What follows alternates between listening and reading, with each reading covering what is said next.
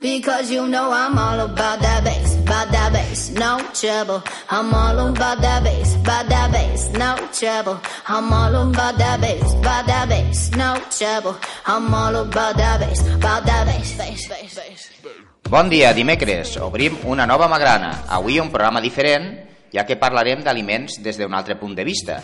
Comentarem les diferents supersticions que envolten alguns aliments. Bon dia, Maria. Tu què tal? Ets supersticiosa? Hola, molt bon dia. Doncs la primera te diria que no, però la veritat és que faig cas d'algunes supersticions. Més que res per si de cases. Uh -huh. La superstició és el fet de creure que algunes coses, com tocar fusta, veure un gat negre o passar per sota d'una escala, porten bona o mala sort. Exacte. I els aliments, doncs, no se'n salven d'aquestes profecies misterioses, no? I en podem trobar de molt antigues, que normalment fan referència a aliments quotidians i bàsics, i d'altres més modernes. Així és que tant ens posem el vi al front si ens ha caigut fora de la copa com ens bebem el suc de taronja ràpidament quan està recent exprimit per a que no perdi vitamina C. És l'ai l'aliment estrella de les supersticions, amb això de que espanta els vampirs? Mm, vampirs i monstres diversos. Està clar que aquesta superstició provinent de la literatura ha donat a l'all superpoders. Per això tenir una ristra d'alls és símbol de protecció i de bona sort. A més a més, l'all pot presumir de propietats saludables i ningú, i ningú dubta que és un dels condiments més saborosos i nostrats. Una superstició que jo no sabia és la que diu que si plantem ous o els posem en un determinat lloc de la casa, podem fer que un dia determinat no plogui, per exemple, si t'has de casar. I també durant molt de temps els ous van estar desterrats de moltes cases pel tema del colesterol, ja sabeu que s'ha demostrat que menjar ous no té res a veure amb un augment de colesterol dolent en sang. Són els greixos saturats els que ens poden provocar que s'alteri el colesterol a la sang, augmentant així el risc d'aterosclerosi. També la sal té un paper protagonista en aquestes supersticions, oi? Deu ser perquè antigament era un condiment car i molt valorat. Doncs sí, per, això, per això devia ser tanta desgràcia que ens caigués la sal, no? Set anys de mala sort, tu. Menys mal que aquesta té antídot i si te'n tires un pessic per sobre de l'ombro te quedes salvat. També es diu que quan estrenes una casa nova no hi pot faltar la sal a la cuina, que és el primer que has de posar, perquè això te donarà bona sort. Però el que sí està demostrat és que les ingestes de, de sal són cada cop més abundants i és un condiment directament relacionat amb la hipertensió arterial. Així que, tot i que en tinguem a casa, hem de procurar no abusar de la sal. I el que és més important, vigilar amb els aliments precuinats i processats, que porten quantitats de sal molt elevades.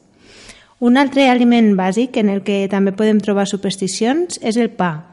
Molta gent li fa la creu abans de tallar-lo o es diu que posar-lo cap per avall et pot portar mala sort. No ens podem deixar una de les tradicions més clàssiques, que és tirar arròs als nuvis quan surten de l'església. I tant, diuen que amb aquest gest atorguem felicitat i prosperitat a la nova família.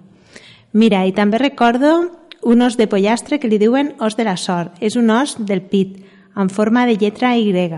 Aquest os es deixava secar i després dos persones demanen un desig i es tiren un de cada banda de l'os. Qui es quedava la part més llarga era l'afortunat. Tot i que en algunes cases la tradició era secar-lo i guardar-lo sencer per a que mos portés sort i diners. Aquesta és una tradició molt antiga, de quan es veneraven els galls perquè anunciaven el dia i a les gallines perquè ponien ous. I no directament relacionades amb aliments, però sí amb el ritual alimentari, hi ha supersticions com no posar les estovalles una sola persona, ni tres. Sempre ha de ser nombres parells. I, per exemple, el ritual de servir el té, que ho ha de fer tot la mateixa persona. No poden servir dues persones de la mateixa gerra. I ara que s'apropa, no podem deixar de parlar del raïm de la sort de Cap d'Any. I tant, Cap d'Any és una nit màgica. No oblideu menjar llenties a dinar l'últim dia de l'any. Us portarà sort i riquesa l'any següent.